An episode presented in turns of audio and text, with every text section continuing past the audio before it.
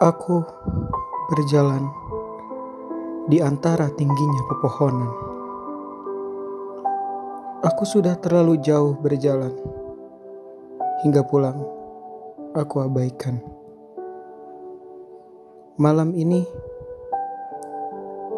sudah tinggi sekali. Matahari sudah bersiap membuka diri. Aku masih tertidur seorang diri, beralaskan tanah dan beratapkan langit. Istirahatku melupakan sejenak keadaan sekarang yang pahit, yang terlihat indah meskipun sakit. Mentari mulai menyambutku dengan sukacita. Aku terbangun dengan pertanyaan yang sama. Tadi kau bersamaku. Aku lupa bahwa ia telah tiada. Aku hanya bisa menjumpaimu sekali waktu saja. Saat mataku terpejam, langit menghitam dan bayangmu perlahan jelas terdengar lantunan suaramu yang kuharapkan. Kita bicara banyak, kau bercerita ke mana saja. Selama kau tak ada, aku kehilangan. Tapi semuanya sirna saat aku berhenti terjaga. Aku hanya tersenyum mengingatnya dan mendoakan yang terbaik untuknya. Aku yang bahkan masih mengumpulkan nyawa, tak terasa beriringan air mata karena rindu yang menusuk dalam dada. Masih pagi sekali kala itu. Aku kembali melanjutkan perjalananku. yang tak tahu ke mana aku harus mencarimu. Saat aku sudah berjalan terlalu jauh, aku merasa sudah waktunya pulang. Nyatanya, aku tak mampu untuk kembali pulang. Terlalu banyak rindu lantai berserakan debu, dan memori yang ada sedari dulu tentang aku dan dia. Bagaimana tidak, aku sudah singgah selama bertahun-tahun di sana.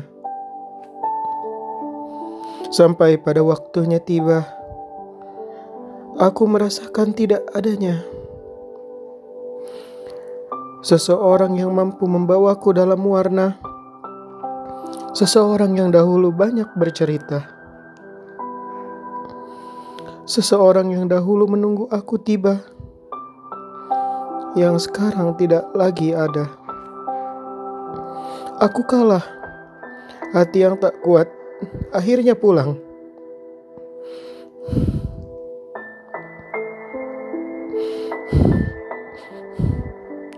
Rumah kecil yang mungkin tidak berarti apa-apa saat ini dahulu adalah sebuah arti yang dalam, yang bermakna, dan nyaman di dalam hati. Aku melangkahkan kaki untuk masuk. Terasa lebih berat, seperti jarum tajam yang menusuk. Aku pulang aku kembali tiba di rumah yang selama ini kita singgahi sama-sama, menyatu dari dua insan yang berbeda untuk bersama bercengkrama dan bertegur sapa di dalamnya. Sekarang semuanya jelas berbeda. Aku kembali. Hanya kulihat debu di lantai Bingkai foto yang miring ke kiri seakan langsung menyentuh hati. Karena aku tak lagi tahu di mana kakimu berdiri hari ini. Aku tak lagi tahu semua tentangmu saat ini. Terlalu lelah perjalananku sampai saat ini. Aku ingin beristirahat sejenak dan merebahkan kaki untuk kembali tinggal di sini. Yang tentunya seorang diri. Kulihat semua sudut dari ruang hingga jendela. Berharap kau menyapaku lagi di sana. Berharap kau datang secara tiba-tiba, meski hanya menjadi sebuah cerita fana.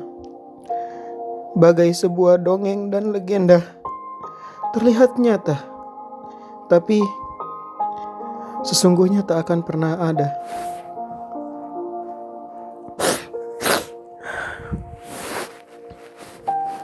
Aku merebahkan kakiku di atas sofa.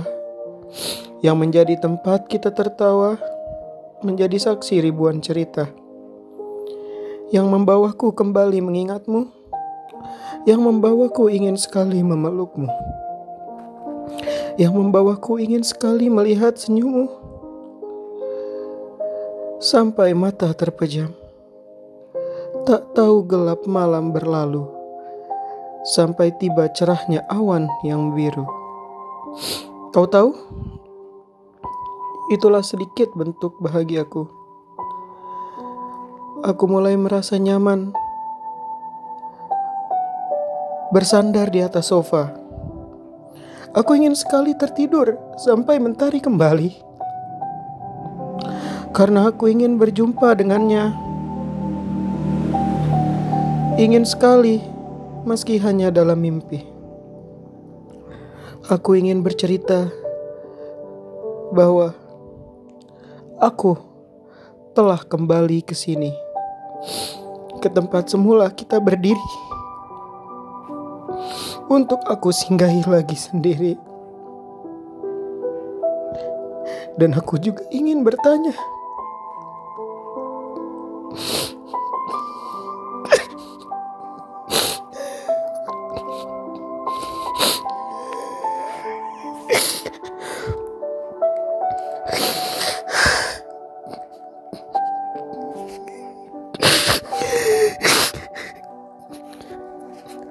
Dan aku juga ingin bertanya, akankah kau kembali ke sini, nak? Aku lihat jelas wajahmu. Kau tersenyum dan menjawab. Tiba-tiba, aku terbangun dari tidurku. Waktu menunjukkan pukul satu yang menghentikan jawabanmu. Aku terpana Merasakan pertanyaanku itu nyata. Aku beranjak sejenak dari sofa itu dan pergi ke setiap sudut mencari keberadaanmu.